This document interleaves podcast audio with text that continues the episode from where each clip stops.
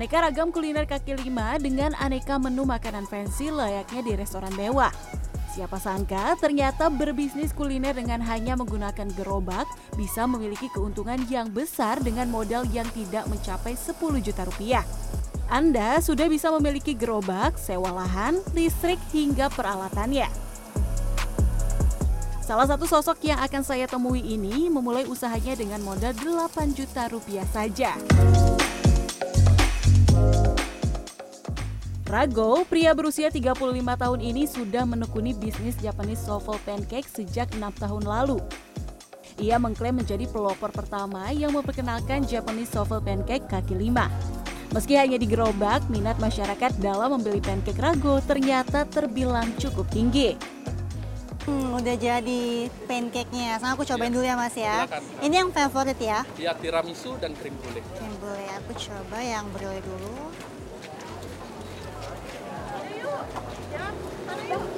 Hmm.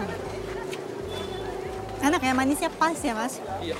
Sebetulnya apa sih Mas yang menginspirasi untuk membuat pancake Japanese pancake ini? Nah, ya pertama kali kita buat Japanese Waffle Pancake ini kita mau bawa suatu produk makanan yang eh, harganya eh, biasanya di eh, mall, biasanya di resto, kita bawa ke kaki lima yang harganya bisa eh, murah biar bisa dicoba oleh semua kalangan. Oke. Hmm, Dan menarik. ini enak manisnya pas banget sih.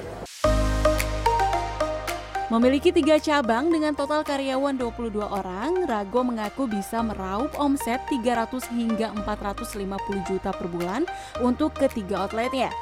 Sementara pengeluaran operasional yang harus ia keluarkan mencapai 100 juta rupiah per bulan untuk semua outletnya. Meski demikian, Rago mengaku perjalanan bisnisnya tidak selalu mulus. Sebenarnya sampai dengan detik eh, hari ini eh, itu banyak eh, banyak melewati pasang surut apalagi waktu itu pandemi ya. Dari pertama kali PNN Cake ini buka banyak orang yang nggak- mengetahui bahwa PNN Cake ini merupakan eh, eh, Japanese Souffle Pancake yang berasal dari Jepang gitu. Saya coba untuk memasarkan, memberitahukan, memberikan informasi kepada uh, customer yang untuk mencobanya supaya mereka tertarik untuk mencoba.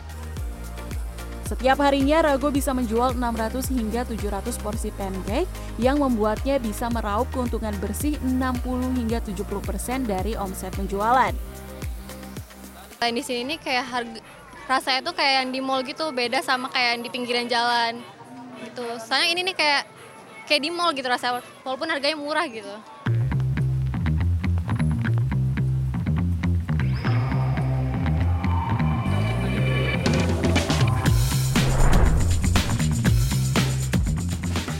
Hal yang sama juga dirasakan Vio Alventino.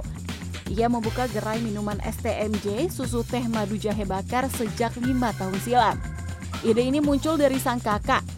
Vio memilih berbisnis dengan gerobak karena menurutnya lebih murah jika dibandingkan dengan sewa tempat di ruko.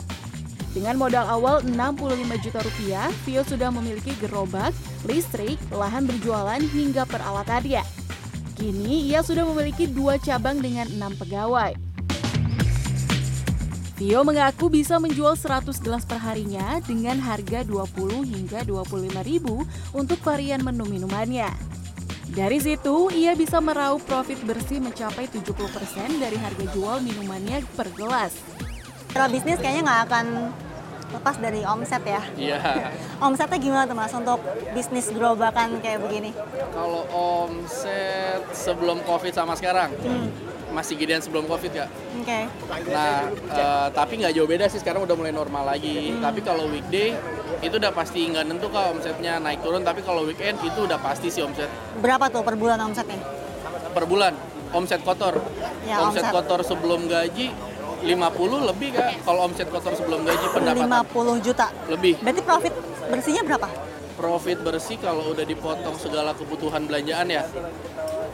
Kebutuhan belanjaan udah dipotong gaji ya 20-an Kak ada.